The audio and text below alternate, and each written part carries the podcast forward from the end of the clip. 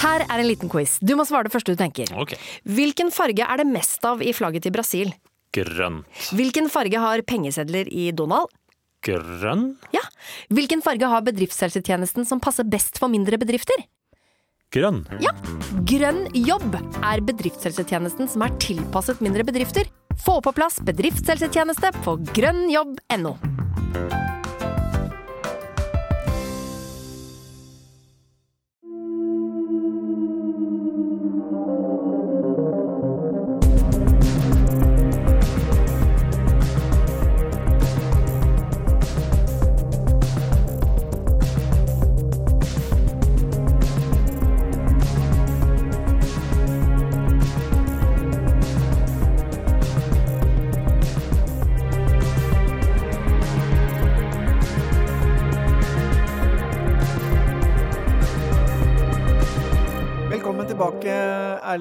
Grimstad. Takk for det. Det er jo veldig hyggelig å ha deg her, og denne gangen skal du få lov til å fortelle om eh, Jeg vil ikke kalle det røverhistorier, for det blir jo feil. Men eh, spennende historier fra de tingene du har holdt på med de siste årene. Men aller først, du er jo litt eh, konkurrent til oss. Egen podkast. Ja, vi har laget en podkast som vi kaller Økrimpodden. Og der har vi mange temaer knyttet til eh, hvitvasking eller anti-hvitvasking, særlig for rapporteringsplikt i virksomheter, banker osv. Økrimpodden heter den, og finnes på iTunes og alle andre steder der man hører på podkast. Mm. nå- du var jo eh, tidligere her en gang og fortalte eh, en eh, Snakka om den historien til Kari Breirem. Eh, for de som ikke hørte den, så kanskje du kan ta en liten introduksjon av deg selv og din bakgrunn? Ja, jeg har en bakgrunn vil jeg si, først og fremst som politimann. Jeg har vært eh, politi, politietterforsker eh, hovedsakelig innenfor tema økonomisk kriminalitet i elleve år. Og så eh, tok jeg juridikum og kom inn i påtalemyndigheten og var i påtalemyndigheten eh, omtrent like lenge. Var til slutt eh, i Økokrims eh, ledelse og har vært førstestatsadvokat i mange år og gått i retten med ganske tunge økonomiske straffesaker. Hatt ansvar for etterforskning av ganske tunge og da, den gang da kjente økonomiske straffesaker. Og så har jeg de siste 15 årene jobbet som rådgiver for næringsliv og offentlig sektor og for å hjelpe de å beskytte seg mot økonomisk kriminalitet. Så jeg jobber bl.a. mye med varslingssaker. Jeg har vel hatt ansvar for, når jeg prøvd å telle opp, mer enn 1000 varslingssaker i Norge siden 2004. Jeg har var vel den første i Norge som startet profesjonelt med gransking som eh, fagområde i, tilbake i 1997. Eh, Så jeg har jobbet mye med, med den siden av noe av det samme jeg gjorde i Økokrim, men eh, da på en helt annen arena, og ikke som straffesak, men hvor vi ønsker å hjelpe virksomheter med å beskytte seg bl.a. mot kriminelle og, og mot regelbrudd. 1000 varslinger. Hvor mange av de som ender opp som saker, da? Ja, Det er ganske få av de som endte opp som uh, saker. Men uh, det er jo noen av disse varslingssakene som uh, var på en måte det som ga hull på byllen i, i saker i norske kommuner som har skapt stor oppmerksomhet. Bortsett fra denne korrupsjonssaken mot Eirik Jensen, så er norgeshistoriens største korrupsjonssak en sak som skjedde på Romerike. Vannverk og renseanlegget på Romerike. Og den saken ble i stor grad avslørt som følge av eh, varsling. Eh, og jeg var med på den granskingen eh, av vannverket og renseanlegget, og det som ble avslørt der, førte tilbake ca. 600 millioner kroner til vannverket og renseanlegget, som er altså to helt 100% kommunalt eide foretak, som ikke engang visste at de pengene var borte. Eh, Så kommunen selv ante fred og ingen fare, og hadde ingen grunn til å undersøke noe som helst. Og så kom det da noen eh, varslere fram med sine historier som gjorde at vi avslørte det som senere ble Norges eh, mest alvorlige korrupsjonssak. Den ligger langt bak der, men var det en karakter der som hadde en ranch nede i Afrika? Ja, noen, ja. Ja. Aftenposten skrev vel den gangen når denne saken begynte å rulle, at eh, han hadde tre farmer i Sør-Afrika. Det var jo ikke riktig, han hadde ni farmer i Sør-Afrika. Og der eh, så de ansatte han som en eh, høvding, mer eller mindre. Og man syntes det var rart at en sjef i en, et kommunalt selskap kunne ha den type eiendommer. Senere fant jo vi f.eks. bulldosere, maskiner, utstyr som hadde den samme røde sanda i dekkene som du bare finner eh, stort sett i de områdene av verden, men som vi fant oppå berger på Rom, Romerike der hvor det sto lagret. Det, det var bare en helt utrolig vanvittig historie. Eh, og etter tre års gransking så fant vi ikke en eneste leverandør til vannverket og renseanlegget som ikke hadde gått med på å betale bestikkelser for å få kontrakter til vannverket og renseanlegget. Og jeg må jo si at det var en ganske nedslående funn fra før denne saken, hvor man så eh, kommuners behandling av leverandører og anskaffelsesrutiner som liksom hel ved og fri for korrupsjon, til at vi kom inn i et miljø hvor vi ikke fant en eneste ren kontrakt uten at vi har betalt bestikkelser og korrupsjon. Det var satt eh, fullstendig i eh, system. Eh, og det er jo eh, to personer dømt for, og mye takket være varslere som vi er inne på nå. Ganske rystende, fordi vi, vi, liker vel å tro at Norge er et land hvor det er lite korrupsjon. og, og vi tror jo godt om hverandre, så mm. det er ganske rystende. Men det som slår meg litt, er hvordan er det mulig å, at 600 millioner kroner blir borte uten at noen egentlig oppdager det? Det, forstår ikke jeg heller eh, i bunn og grunn, men klart at noe av dette handler også om salg av eh, eiendeler som ble kjøpt med penger som kom fra bestikkelse, som hadde økt i verdi. Så eh, tappingen av virksomheten var sånn sett ikke 600 millioner kroner, men det sier noe om verdien for dette. Vi ble jo kritisert fordi at vi fakturerte for det granskingsarbeidet vi gjorde, som var altså en promille av det som ble funnet av verdi. Så jeg tror for kommunenes del så er vel det det mest lønnsomme prosjektet jeg har hørt om at noen norsk kommune har satt i gang noensinne, nemlig å granske og undersøke dette. Rett og slett finne fakta for å ta riktige beslutninger og finne ut av hva de sto overfor. Og saken skapte jo også en reaksjon langt inn i andre kommuner som ville ha etikkurs og ville lære seg til å unngå korrupsjon og beskytte seg mot korrupsjon. Kommunaldepartementet og kommunalministeren satte i gang et eget etikkråd for å finne ut av hvordan skal vi liksom reise igjen, reise tilliten til norske kommuner. Eh, så den saken ga et eksempel på hvor ille det, det, er. Og det er vel ingen andre saker i norske kommuner som kan i nærheten sammenligne seg med den saken. Og så kan man da velge å tro på at vi er et samfunn som er tillitsbasert, eh, og, og, tro det beste om alle og alle beslutninger som blir tatt, og aldri undersøke noen ting. Og så leve i den troen og tro at dette fungerer bra. Mens jeg har jo en erfaring som eh, viser at eh, det er ikke alltid sånn. Og det er eh, mange ganger det skjer forferdelige ting, også straffbare handlinger der ute, selv i en offentlig kommunal sektor. Så det er kanskje en yrkesskade, som jeg pleier å kalle det. At jeg har sett baksiden av medaljen og sett de eksemplene på at det ikke har vært noen grunn til å vise tillit eller eh, ikke løfte lokket og begynne å undersøke hva som faktisk har foregått i realiteten. Jeg og Helge vi er jo litt sånn eh, konspiratoriske, i hvert fall når vi er ute og kjører bil. Og vi har jo liksom diskutert veldig mange ganger hva er det egentlig som foregår rundt i Oslo by når de graver opp gata for femte gang, eller et eh, prosjekt med å grave 300 meter tar to år. Ja. Og det mest rystende jeg har sett, f.eks., er jo nedi eh, ved, ved, festningen der, den der eh, gatestubben, forlengelsen av Rådhusgata. Mm. Som de brukte da to år på å pusse fullstendig opp, og så går jeg forbi der tre måneder senere, så er hele gata borte. Så jeg revet alt sammen ned mm. igjen. Og da sitter jeg liksom og tenker, hva er det som foregår? Jeg sier ikke at det er korrupsjon, men for meg så framstår det i hvert fall som en enorm sløsing med penger. Mm.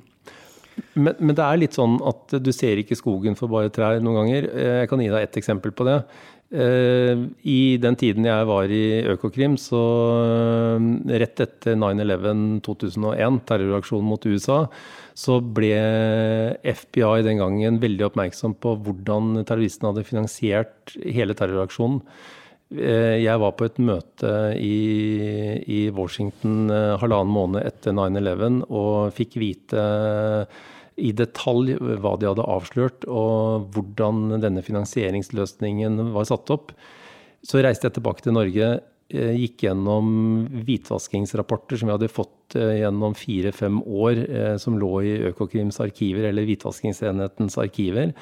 Og så vokste det fram etter kort tids en oversikt over to typer undergrunnsbankvirksomheter som overførte 500 millioner kroner ut av Norge hvert år. Som var helt samme system, type system som det som hadde finansiert 9-11. Eh, uten at det var person, de samme personene selvfølgelig involvert, men det var samme system.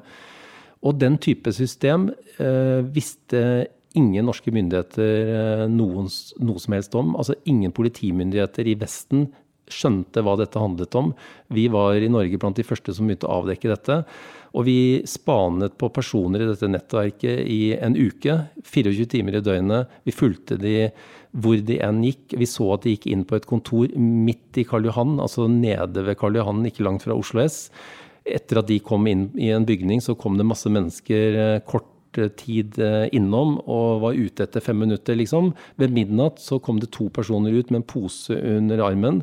De brakte den posen opp til nærmeste minibank og satte inn i innskuddsautomat eh, flere tusen kroner, eh, som senere ble overført til en konto i Dubai eh, i løpet av noen få dager. Og i det nettverket så avslørte vi da et pengesystem som i ettertid er kalt Havala-banksystem hvor jeg fortsatt i dag når jeg går rundt omkring, ikke bare i Oslo by, men i mange store norske byer, så ser jeg de samme type Avala-kontorene. Eh, og vet hvordan, eh, litt om hvordan disse er satt opp, og hvem som bruker de. Som et eksempel på at det skjer ting med håndtering av i hvert fall risiko for svarte penger, da, som vi ikke forstår sammenhengen i. Du kan gå i en by som Bergen. Sist jeg var i Bergen, så tror jeg ikke jeg gikk mer enn 20 meter mellom hvert sånn type eh, potensielt sett Havala-bankkontor. Og man kan jo lure, seg, lure på eller spørre seg om hvorfor trenger man i så stor grad å bruke den type systemer når vi har det lovlige betalingssystemet, banker osv. Som bare er en indikasjon på at det foregår noe i undergrunnsverden som eh, verken tror jeg politiet har kontroll på, eller skattemyndighetene eller noen andre. Kanskje de som jobber med arbeidslivskriminalitet ser tendenser til det, når de ser svart arbeidskraft som bruker den type overføringsløsninger osv. Så, videre. så det er bare et eksempel på at hvis du ikke vet hva du skal se etter, så finner du det ikke. Eh, og jeg kan også legge til at eh, i, den gangen i Økokrim så fikk vi jo sjokk når den første FNs sanksjonskomités liste om terrorister kom. For i Norge trodde jo ikke vi at vi hadde noe med terrorfinansiering å gjøre, selvfølgelig. Fredelig land eh, langt opp i nord, langt fra eh, sentrale begivenheter i verden. Den første personen som sto på FNs sanksjonskomités liste mot uh, terrorister og terrorfinansiører, det var en person som var nevnt med aliasnavn åtte forskjellige ganger. Han fant vi som innehaver av en konto i en av de største norske bankene. Opprettet konto midt i Oslo sentrum. Eh, og da begynte vi å skjønne risikoen for også terrorfinansiering på norsk eh, jord. Og i dag så er det jo egne enheter i politiet som jobber spesielt med dette, og som eh, følger opp den type mistanker, heldigvis. Og så har min reise i politiet også brakt meg til Irak ikke så langt, lang tid etter invasjonen i Irak, hvor jeg bl.a. har etterforsket terrorfinansiering i Irak og sett ganske skremmende bilder. Så ja, det har vært en utrolig spennende reise å jobbe med, med temaet økonomisk kriminalitet. Ja. Eh, bare en ting å klippe inn. Det, nå kom det veldig mye. Men eh, ja, de der eh, pengeoverføringskontorene Vi har jo en del av de her i byen, og de er alltid forbundet med eh, folk som ønsker å sende penger til sin familie ja. i, i, sitt opprinnelsesland. Ja. Men det du forteller nå, er at uh, de trenger egentlig ikke å bruke et sånn type firma hvis de skal sende penger til mor og far i f.eks. Somalia. da.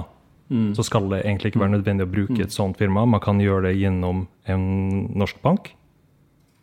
Det, det, sier jeg ikke. fordi at I enkelte land i verden, og særlig utviklingsland, så trenger man den type betalingsformidlingstjenester. Men det er noe helt annet å være totalt blind for hvordan disse finansielle løsningene og strukturene brukes i undergrunnsbankvirksomhet.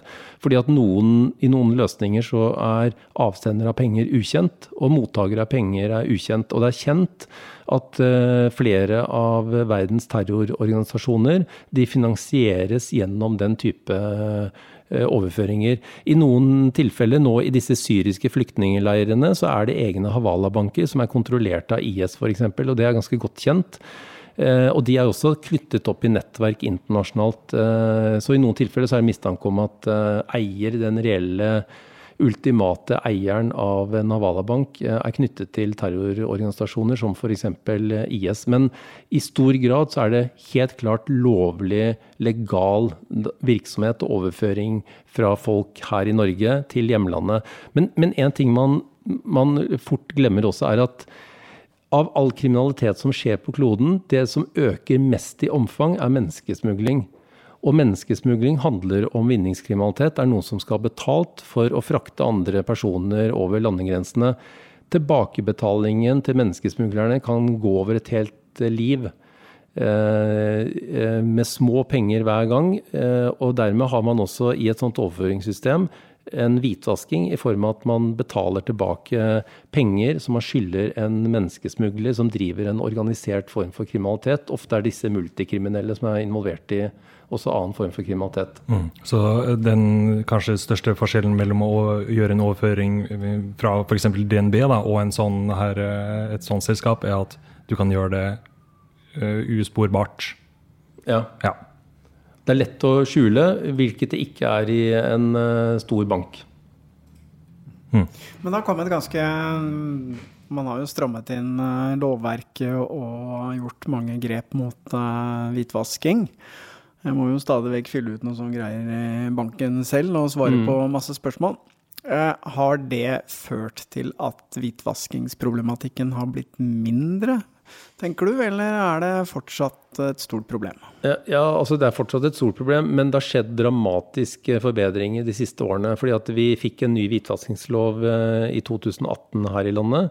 Eh, bankene og andre rapporteringspliktige har strammet grepet. De kaster ut en rekke kunder som ikke oppfyller de kravene de stiller, fordi at de bl.a. ikke svarer på de spørsmålene du nevner nå. Eh, bankene gjør det mye vanskeligere enn tidligere for de kriminelle som ønsker å hvitvaske penger, og de finner derfor andre veier enn de klassiske veiene som de tidligere brukte via f.eks. bank. Eh, det kan gjøre det vanskeligere å oppdage det, fordi at de bruker mer sofistikerte løsninger. Men jeg tror at i stort så begrenser det de kriminelles mulighet til å hvitvaske penger. Og tankegangen fra myndighetenes side bak det er at det skal også strupe eh, vinningskriminalitet i det store og hele, fordi at da blir det vanskeligere å utnytte de pengene man skaffer seg ved vinningskriminalitet. Så ved å være dyktige på å begrense muligheten til å hvitvaske, så vil man også forebygge kriminalitet, all form for vinningskriminalitet. Og vinningskriminalitet består jo står jo bak 80 sier man, av totalt, det totale kriminalitetsbildet. Så det å strupe adgangen til det finansielle systemet for kriminelle er utrolig viktig i en sånn tanke om å beskytte samfunnet mot kriminalitet. Men de smarte kriminelle har vel gått fra kontanter til kryptovaluta. Hva er din erfaring med kryptovaluta? Altså, jeg tror uh, vi kommer til å se en utvikling innenfor kryptovaluta hvor det blir uh, stadig mer renhårig. Altså at det kommer til å være krav, forpliktelser for de som tilbyr kryptovaluta, som kommer til å overvåkes av tilsynsmyndighetene. Men klart på kort sikt så er det en, en, god mulighet for kriminelle til å få penger til å bli borte, eller verdier til å bli borte, og skjule avsender og mottaker og koblinger fordi at det skjer en ganske komplisert veksling ved bruk av kryptovalutaer som gjør at sporene slettes. Mm. Man ser jo noe av det samme i strukturen som enkeltselskap som eh, kanskje da har planlagt å slå seg konkurs. At de har liksom masse underselskaper, og så går det transaksjoner mellom de her forskjellige. At mm. det, det, er den gamle måten å gjøre det på. Mm. At det har blitt overført til det her eh, kryptovalutaen. Mm. Men eh, et sånn type selskap da, som, som har en eh, sånn eh, veldig fragmentert struktur på sine selskaper, hvordan er det å jobbe opp mot de når det kommer inn en varsling? Ja, det, det er ikke um, Går varselsbjellene på da? Uh, ja, det kommer litt an på hva det varsles om. Jeg tror tema varsling Eh, For mange så handler det om at eh, man tror at det kommer noen og forteller om at det skjer økonomisk kriminalitet, korrupsjon f.eks. Det er ikke helt sånn det foregår. Det som er utrolig krevende når man mottar informasjon fra varslere, det er å forstå hva varsleren har sett symptomer på. Det er veldig sjelden at en varsler ser rotårsaken til noe, men varsleren varsler om symptomer. F.eks. at lederen eh, eh, trakasserer medarbeidere på arbeidsplassen, holder tilbake informasjon, gjør noe på egen hånd, eh, misbruker eh, midler som verdier som tilhører selskapet osv. Eh, men i et sånt arbeidsrettslig forhold, nærmest, altså arbeidstaker-arbeidsforhold type forhold. Det er det det varsles om. Altså man blir dårlig behandlet på arbeidsplassen, rett og slett.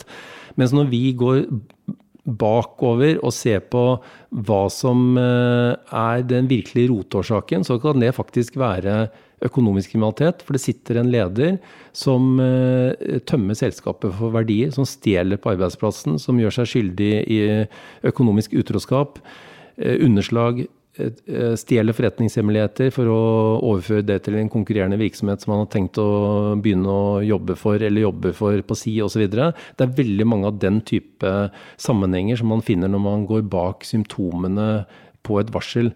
Eh, Så det er ikke så enkelt at man kan si at dette er bare en sak om, eh, om kravet til arbeidsmiljøloven, og så får liksom, dere får oppføre dere alle sammen på arbeidsplassen.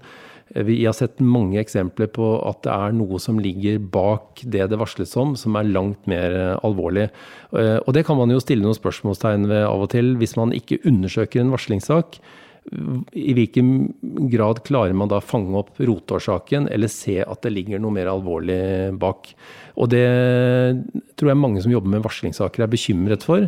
At det ikke gjøres tilstrekkelige undersøkelser, eller at man ikke klarer å forstå innholdet i varselet på riktig måte. Da. Men Erling Grimstad, det jeg lurer litt på, da, hvordan, hvordan starter en sånn stor økonomisk eh, svindel eh, med korrupsjon og hvitvasking, og hvordan jobber egentlig politiet for å avdekke det?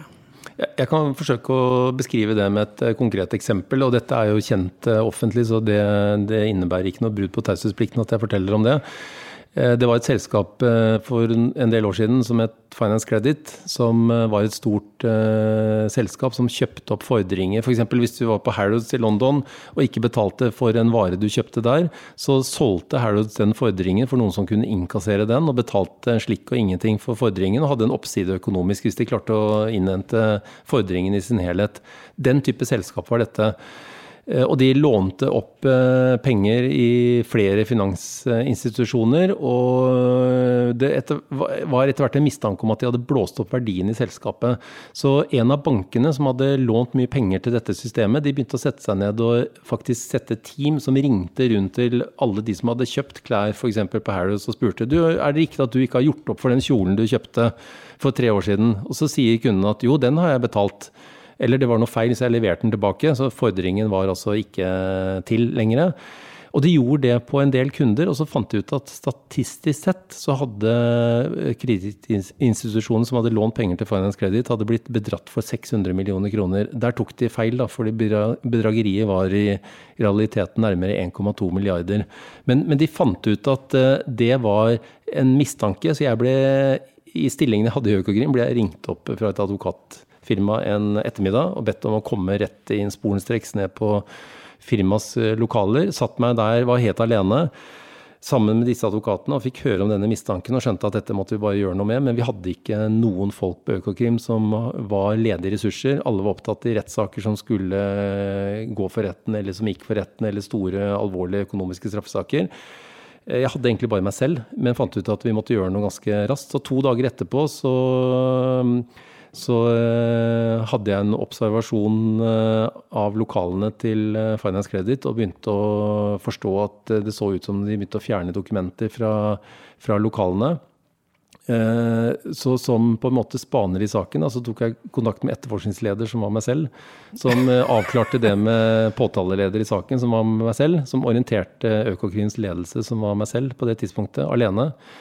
Eh, så det var veldig korte kommunikasjonsveier. eh, Og jeg fikk eh, hentet inn noen politifolk som jobbet på overtid for å være med på en, en aksjon hvor vi en lørdag formiddag fikk de to herrene som var ansvarlige bak Finance Credit, å møte på et bestemt kontor hvor de ikke visste at politiet sto og ventet på dem. Så de ble på, pågrepet begge to og eh, ble varetektsfengslet. Og saken eh, rullet videre som norgeshistoriens største bedragerisak, og er fortsatt det, med 1,2 milliarder i bedrageri.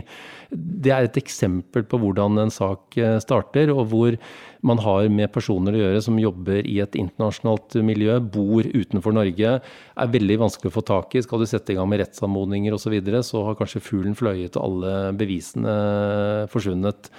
Eh, men, men det er et, et uh, eksempel. Uh, et annet eksempel som er, står for meg som en historie som viser veldig mye av det jeg også har sett senere, handler om et selskap innenfor shipping, maritim industri, som var blant de største tankrederne innenfor oljefrakt. Fraktet olje i hele verden og var mistenkt for å ha stjålet olje fra lasta. Det som skjedde, var at mannskapet om bord i disse tankskipene de overførte råolje fra oljetankene, som er egentlig forseglet og ikke skal røres, for det skal lastemottaker ha når du kommer til Lossehavn.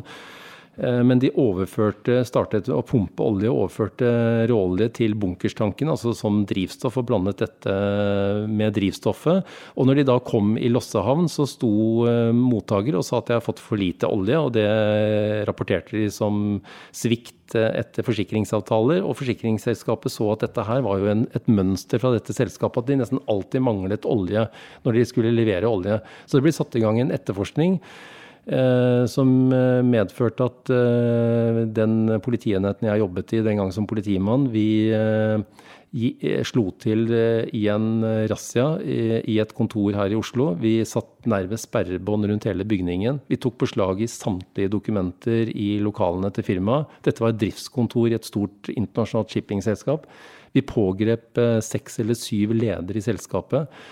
Jeg husker jeg som politimann hadde ansvar for å, å, følge opp regnskapsføreren for å få alle regnskapsdokumentene og sikre at vi hadde informasjon om den delen av saken. Han var selv utenfor mistanke og ble sånn sett dimittert, som det heter på politispråket, så han fikk lov til å gå fra lokalene. Det han da gjorde, var at han reiste hjem til en av lederne. Kom inn i huset til en av lederne gikk inn på kjøkkenet, flyttet kjøleskapet. Bak kjøleskapet var det en, en, del av veggen som man kunne ta ut en plate i, i. Og da åpnet det seg et rom hvor det lå et regnskap, som var altså i realiteten et svart regnskap, som viste hvor mye betaling i dollar reisesjekker sjøfolkene fikk ved å være med på denne pumpingen av olje fra lastetankene inn på bunkerstankene. Så det, hele det regnskapsoppsettet på turer, antall, antall, metriske tonn, hvem som hadde vært med på det, fordelingen av betaling på henholdsvis kaptein, styrmann, maskinsjef osv. Alt dette tok han da med seg fra denne privatboligen. Reiste ut på der han bodde. Han var speiderleder, så han hadde tilgang til en speiderhytte. Han satte seg foran Jøtulkaminen i speiderhytta midt på lyse dagen rev ut ett og ett ark fra denne innbundne regnskapsmappen og brant opp alt sammen. Og vi fikk tips om dette. Så vi var to politifolk som sto hjemme hos han når han kom hjem, og hadde da allerede mistanke om at han hadde brent opp dette regnskapet som han hadde vært og hentet. Og han kunne bekrefte det. Viste oss hvor han hadde brent opp regnskapet. Vi, og det var omtrent som sånn askeløv. som du vet Når du, når du brenner i, i, en kamin, så er det bare askeløv. Hvis du knipser på det, så forsvinner det. Ja, ja. Men da hadde vi heldigvis et prosjekt på Kripos hvor noen teknikere skulle se om de klarte å finne fram skrift fra papir som var nesten brent helt i stykker.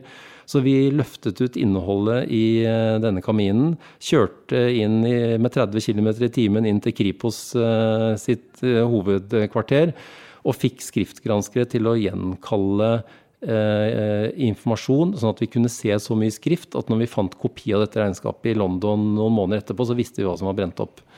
Eh, og jeg var selv med på å få tilståelse fra nesten 30 sjøfolk som var med på dette. Alle trakk tilbake tilståelsen sin og endret forklaringen senere, så ingen ble dømt for dette. Og saken endte med et forelegg senere. Den gangen var jeg ganske ung politimann. Det var en sånn utrolig spennende sak å være med på. Den var på forsiden av eh, aviser titt og ofte, og vi følte at vi opp vi jobbet med noe som vi oppfattet som veldig givende og viktig å være med på å avsløre. Eh, og den gangen så, så, var på en måte den urettferdigheten at eh, ingen ble eh, domfelt, at hele saken endte med et forelegg, det ga vel egentlig en motivasjon til det jeg holder på med selv i dag, hvor jeg hjelper virksomheter med å beskytte seg mot økonomisk kriminalitet. Så for meg var det en sånn sjelsettende opplevelse. Og en, et eksempel på en økonomisk straffesak hvor det går år mellom hver gang det er noe lignende type razzia eller hendelse som finner sted.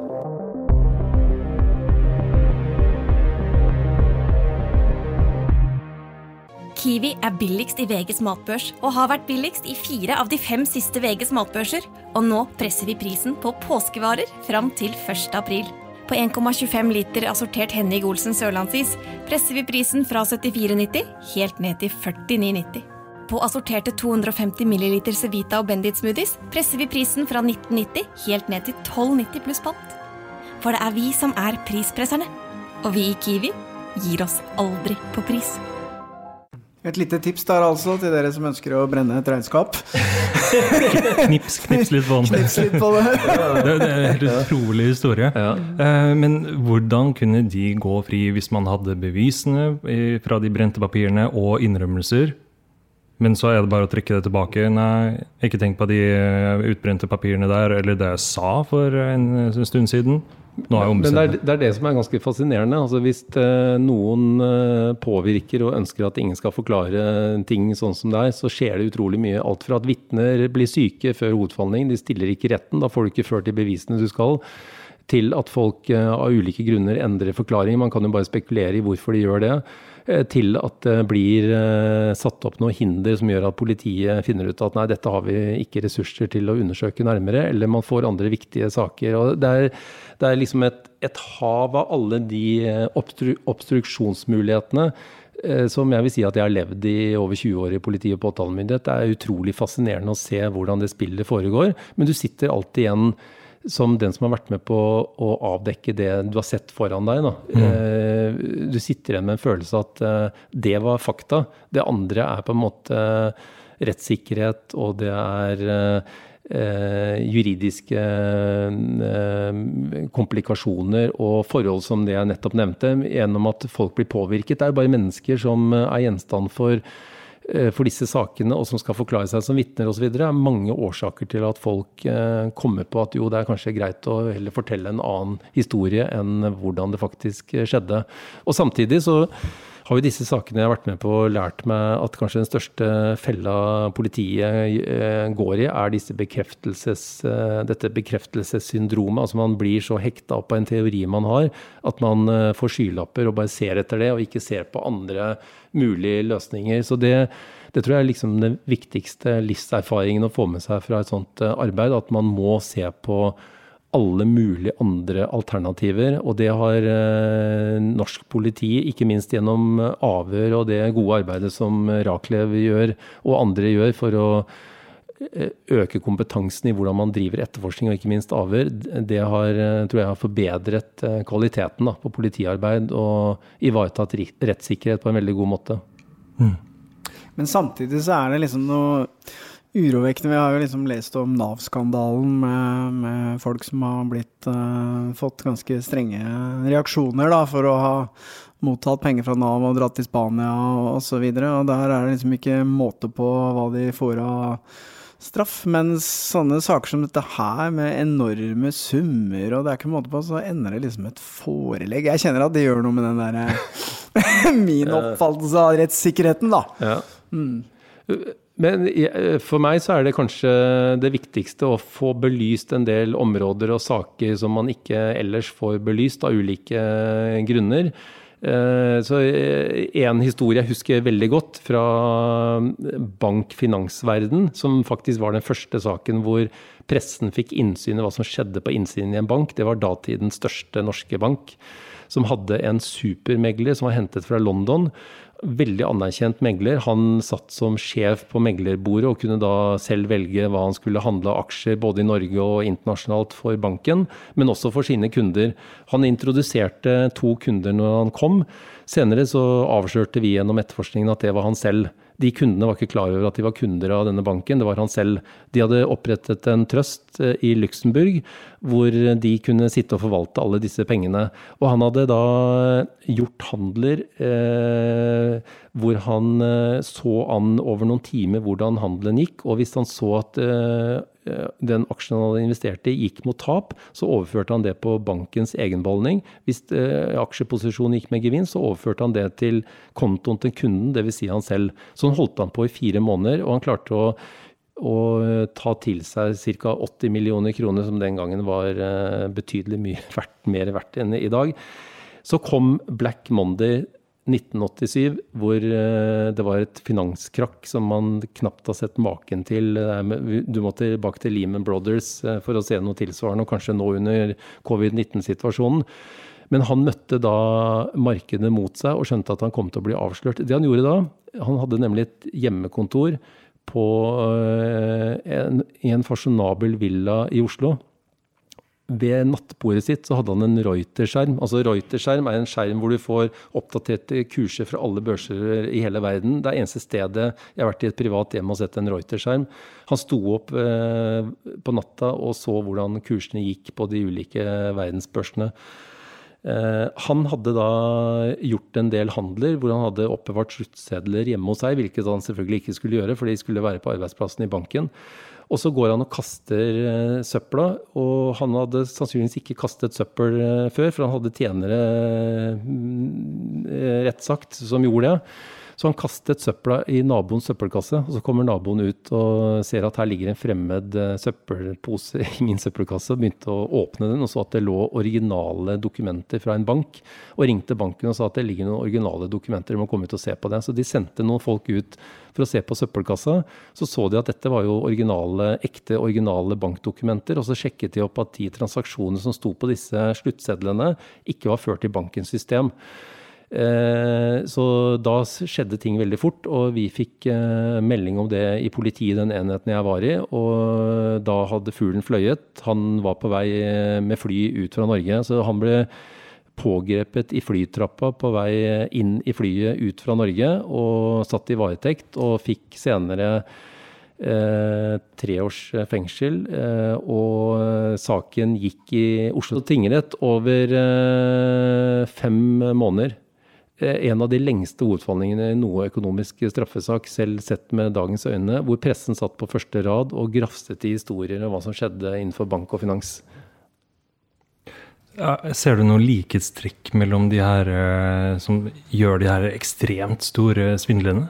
Det er oppe i milliardklassen, ja, mange hundre altså, millioner. Hva, hva, er det som liksom, hva, hva driver det i? Ja, ja. Altså jeg, jeg, må si at eh, På et tidspunkt så uh, studerte jeg organisasjonspsykologi på masternivå. Jeg hadde veldig behov for å finne ut av hva er det som gjør at de, de med best karakterer, eh, fineste hus, de flotteste bilene, eh, trenere på fotballaget, de vellykkede personene, hvordan kunne de gå inn i det som jeg nærmest så på en sånn mafiaorganisasjon i en virksomhet? Hvordan kunne de få seg til å eh, gjøre det? De hadde liksom alt. Eh, og jeg tror at i hvert fall mye av det teorien om organisasjonspsykologi forteller, gjør at man blir sterke sammen i en liten gruppe, hvor det er oss, vi, i den lille gruppen, og så er det alle de andre utenfor som ikke er med på leken. Det er sånn typisk korrupsjon skjer. De som er med på et korrupsjonsforhold, de er invitert i hva det handler om. De vet hva det handler om, de kjenner spillets regler. De andre som står på utsiden, skjønner ingenting. Så, så de, de, sterke konstellasjonene og bindingene mellom mennesker, mer forklart ut ifra organisasjonspsykologi, er med på å forklare hvordan eh, en del av disse sakene kan skje, og hvorfor også meget velstående personer eh, og anerkjente personer som har godt eh, omdømme, eh, blir avslørt i denne type saker. Og det er klart at Når de skjønner at det nærmer seg stupet hvor de blir avslørt, så bruker de helt utrolige mekanismer for å stanse pressen, stanse de som vil granske, stanse varslerne, ikke minst. Det er derfor en varsler i noen tilfeller er ekstremt utsatt akkurat i den perioden før varsleren får gitt beskjed til rett instans. Eh, og det er sånne fellestrekk jeg har sett i, flere saker som jeg har jobbet med. Eh, som, som, jeg tror man kan si er mer sånn generiske funn da, en type, i en del type saker. Hvorfor var det f.eks. ingen som sto fram og fortalte om hva de var med på i vannverkssaken i 20 år, før det ble avslørt av en ekstern varsler? Eh, sånn kan man stille seg spørsmål. Eh, man har en indre justis og noe som rammer enkeltpersoner som er så dramatisk at de velger å holde kjeft og holde seg til eh, den indre klanen som de er en del av. Som et slags spill, da, og med grådighet ja. inni i miksen her? Og et annet trekk er jo at mange av de jeg har vært med på å avsløre, har hatt noe på de som ville varsle eller som ville si fra. Så den som ville si fra, vet at ok, gjør du det, så rammer dette deg så dramatisk at det er best at du lar være. Så det er et spill også hvor man setter andre sjakkmatt ved å sverte de på ulike måter, sånn at de ikke lenger har integritet nok til å tre ut av, av miljøet eller eh, si ifra. Så jeg tror det er ganske viktig skal man i politiet da, etterforske den type saker, at man skjønner hvordan disse tingene foregår. Forstår forretningsmessig tankesett og handlemåte, og hvordan man eh, går på siden av spilleregler eller bryter spilleregler for å oppnå en uberettiget eh, fordel. Og skjønner man ikke det, så er det veldig vanskelig å etterforske eller avsløre noe som helst. Mm.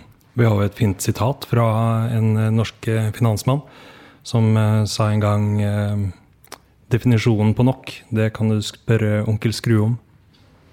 Kjell Inge Røkke. Men du har jo eh, du har ikke bare jobbet i Norge, du har jo vært i utlandet også, i FN-systemet, er det så?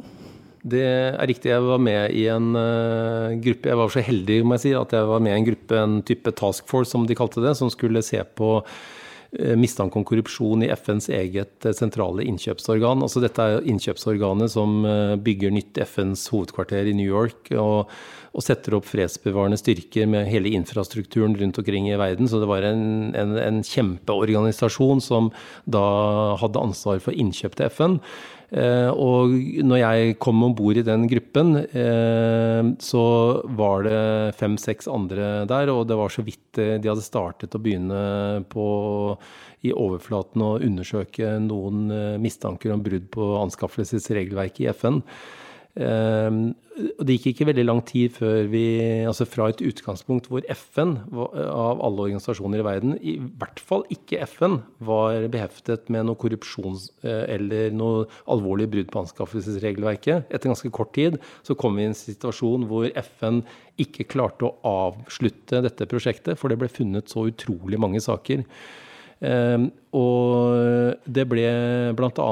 Eh, avdekket eh, strukturer hvor senior innkjøpere i FN-systemet eh, fikk betalt på konto i skatteparadis fra leverandører som de eh, hjalp med å få på plass avtalen. De kunne f.eks. Eh, gjøre det sånn at en tilbyder i en stor anskaffelse til FN kunne få informasjon om hvilke finansielle tilbud de andre aktørene hadde levert, før de selv leverte sitt tilbud. I ett tilfelle så fant vi at ikke bare kunne de få den informasjonen som selvfølgelig var strengt ulovlig, men de fikk også anledning til å bytte ut et dokument i sine anskaffelsestilbudsdokumenter med et annet dokument som viste at de plutselig var lavest uh, i pris, mens de i realiteten hadde vært høyest i pris. Så det var en, et system hvor jeg tror det gikk opp for folk uh, først når ektefellen til en senior innkjøper, som ofte var og handlet på Fifth Avenue på Manhattan, ble avslørt for å ha brukt eh, et kredittkort som ble trukket på en konto i et skatteparadis. Og når man fant ut av at de som hadde innbetalt penger på den kontoen i skatteparadis, var eh, en av de store leverandørene til FN, så gikk jo alarmen, og vedkommende ble senere dømt eh, i domstolen på Manhattan for alvorlig korrupsjon mot FN. Så det var en rekke sånne type saker. Oppi dette, min første dag i FN var ganske spesiell. fordi at eh, når du kommer inn i FNs hovedbygning i New York, så bruker du en dag på å klarere deg inn som ansatt der. Eh, og noe av det siste du gjør, er at du må opprette en konto i en amerikansk bank for å få lov til å få lønn. Ellers så får du ikke lønn fra FN-systemet. Så jeg måtte opprette en amerikansk bank. Og når jeg sitter da eh, i en bank som for øvrig var på innsiden i FNs hovedkvarter, hvilket jeg syntes var litt eh, rart med tanke på konkurransesituasjonen i finansverdenen i USA. Altså, da burde jo alle banker få lov til å sitte der. Men det var to banker. Jeg gikk inn der hvor det var minst kø, satte meg sammen med en ansatt i banken som spurte meg om alle disse spørsmålene som vi alle som bankkunder er vant med knyttet til hvitvaskingsregelverket. Og når jeg fortalte at jeg var advokat fra Norge og så videre, hadde den og den bakgrunnen, så begynte han å stille spørsmål som ikke hadde noe med antihvitvaskingskontrollen å gjøre. Så han sa at du, vi har et helt spesielt eh, tilbud til deg. Eh, og så dro han fram noen dokumenter fra skuffen, og så sa han at eh, hvis, du, hvis, du, signerer på disse papirene her, så skal vi sørge for at vi kan sette opp eh, en trøst for deg på et av disse seks-syv skatteparadisene. Jeg kjente jo igjen alle disse stedene i verden som de svarteste hullene vi har i skatteparadiser i verden. Og han, han, fortalte at hvis du syns det er vanskelig å velge mellom disse seks-syv landene, så kan vi godt velge for deg. Hvis du syns det er vanskelig å velge navn på på Trøsten, så kan vi også sette opp det for deg. Du trenger bare å signere her. Og det han fortalte da, var at jeg som ansatt i FN eh, kunne få utbetalt min lønn til en trøst i et skatteparadis. Helt uten, og det kunne han garantere, at norske skattemyndigheter aldri ville få vite hva jeg fikk i lønn fra FN-systemet. Fordi at de ville ikke sende noe kontoinformasjon eller noen brev til meg. Jeg måtte aktivt be om å få tilgang til den informasjonen for å beskytte mine egne interesser vis-à-vis -vis myndighetene i Norge. Eh, og, og, og, da hadde jeg ikke engang begynt på jobben jeg skulle gjøre, men, nemlig å avdekke mistanke om eh, korrupsjon i FN-systemet. Og der skjønte jo jeg eh, første dag at du trenger ikke å gå ut av FNs kontor engang før du kan ha full kontroll gjennom bankansatte som hjelper deg med å fortelle deg hva du har i saldo på konto, og få overført, brukt et kredittkort eller på ulike måter. Så jeg syns det var ganske interessant funn. Og så har jeg aldri fortalt uh, hvilket land jeg valgte, eller hva jeg kalte trøsten. For det gjorde du selvfølgelig. men uh, når vi er inne på uh, Unnskyld, nå avbrøt jeg. Men når vi er inne på skatteparadiser, det vil kanskje ikke svare. Men hva syns du om nye oljefondsjefens involvering i skatteparadiser?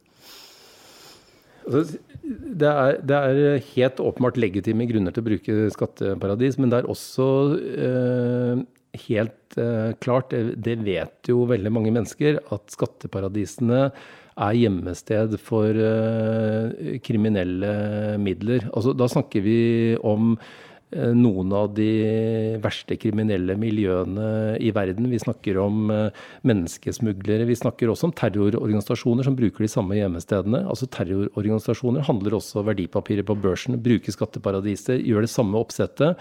Og hele poenget er at du fjerner personer fra eh, kunnskap om innehavere av selskap. Så du gjør dette fordekt på en sånn måte hvor det er nesten umulig noen steder helt umulig å få vite hvem som er reelle rettighetshaver, hvem som sitter bak og styrer pengene, og hvem som har koblinger mot hverandre. Sånn sett er jo skatteparadisene en trussel mot uh, vår velstandsutvikling og våre demokratiske uh, samfunn.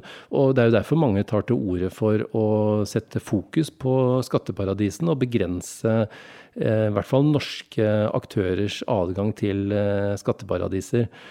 Eh, så i veldig mange saker har jo jeg kommet i befatning med det, og noen steder har jeg også erfart at vi ikke får innsyn i de dokumentene vi trenger for å få vite hvem som, som står bak. Et eksempel er den finansakrobaten i Norges største bank den gangen som jeg fortalte om. Han hadde satt opp en trøst i et sånt skatteparadis. Og hadde ikke vi fått innsyn i hvem som var innehaver av den trøsten, hadde vi aldri klart å sette han til veggs eller få han domfelt i denne saken. Og det var første gang eh, Norge fikk innsyn i det skatteparadiset i noen som helst straffesak. Så det er en perfekt måte å skjule midlene på, og skjule at du har noe befatning med kriminelle midler å gjøre. Derfor er skatteparadis risikofylt, og det er derfor banker også ser særlig på midler via skatteparadis i anti-hvitvaskingssammenheng. Helt til slutt, Grevstad, hvor mye penger har du eh, Santander. her. nå har jeg sagt, nå har jeg sagt, nå har jeg sagt mange ganger at jeg ikke har noen kommentar. Det er jo Jeg har da sagt jeg har har sagt kommentar til. allerede. Ingen kommentar til hvor mye penger Grimstad har i skatteparadiser. Selvfølgelig sa jeg nei takk eh, til det. Jeg opprettet en konto eh, som var på Manhattan eh, på lovlig måte, med full kontroll og rapportering til skattemyndighetene som man skal gjøre, osv. Eh, Men det interessante var at eh, banken, uten å kjenne meg i det hele tatt, kunne tilby meg en sånn type løsning. Og dette systemet som jeg ble tilbudt dette fra, ble jo senere avslørt for å ha beskyttet eh, personer i hvitvaskingssammenheng, sk- skatteunndragere, andre kriminelle, og har fått store bøter fra amerikanske myndigheter for det. Og da tenker jeg at yes, det, til slutt så kommer sannheten frem. Sånn er det noen ganger. Men hvordan ser egentlig fremtiden ut uh, her til lands for de som ønsker å, å svindle og hvitvaske penger og, og gjøre sånne ulovligheter? For de som vil hvitvaske penger, så tror jeg det blir mye vanskeligere. Men de har jo sine teknikker, og dessverre så er kriminelle utrolig kreative. De ligger noen hestehoder foran politiet og kontrollmyndighetene, det har de alltid gjort. Eh, Så det krever helt nye både strategiske måter å håndtere dette på fra myndighetenes eh, side. Og det krever nye virkemidler, og man får all aldri sovne hen og tro at man har god kont kontroll på dette. De finner alltid sine veier. Tusen hjertelig takk, eh, Erling Grimstad. Det er jo veldig spennende og fascinerende å høre på det du har å fortelle. Jeg vet i hvert fall én ting, at jeg skal høre på Økrimpodden. Hva med deg, Helge? Jeg har ikke gjort annet under hele den innspillinga. Nei, du har virka litt fraværende, så du har sittet og hørt på den podkasten. Ok. Ha det bra. Avhørt er produsert av Batong Media, og all musikk er laget av Georg Roås. For å komme i kontakt med oss, gå inn på Facebook-siden Batong Media. Hvis du vil høre flere eksklusive episoder av Avhørt, så gå inn på podme.no, eller last ned appen Podme.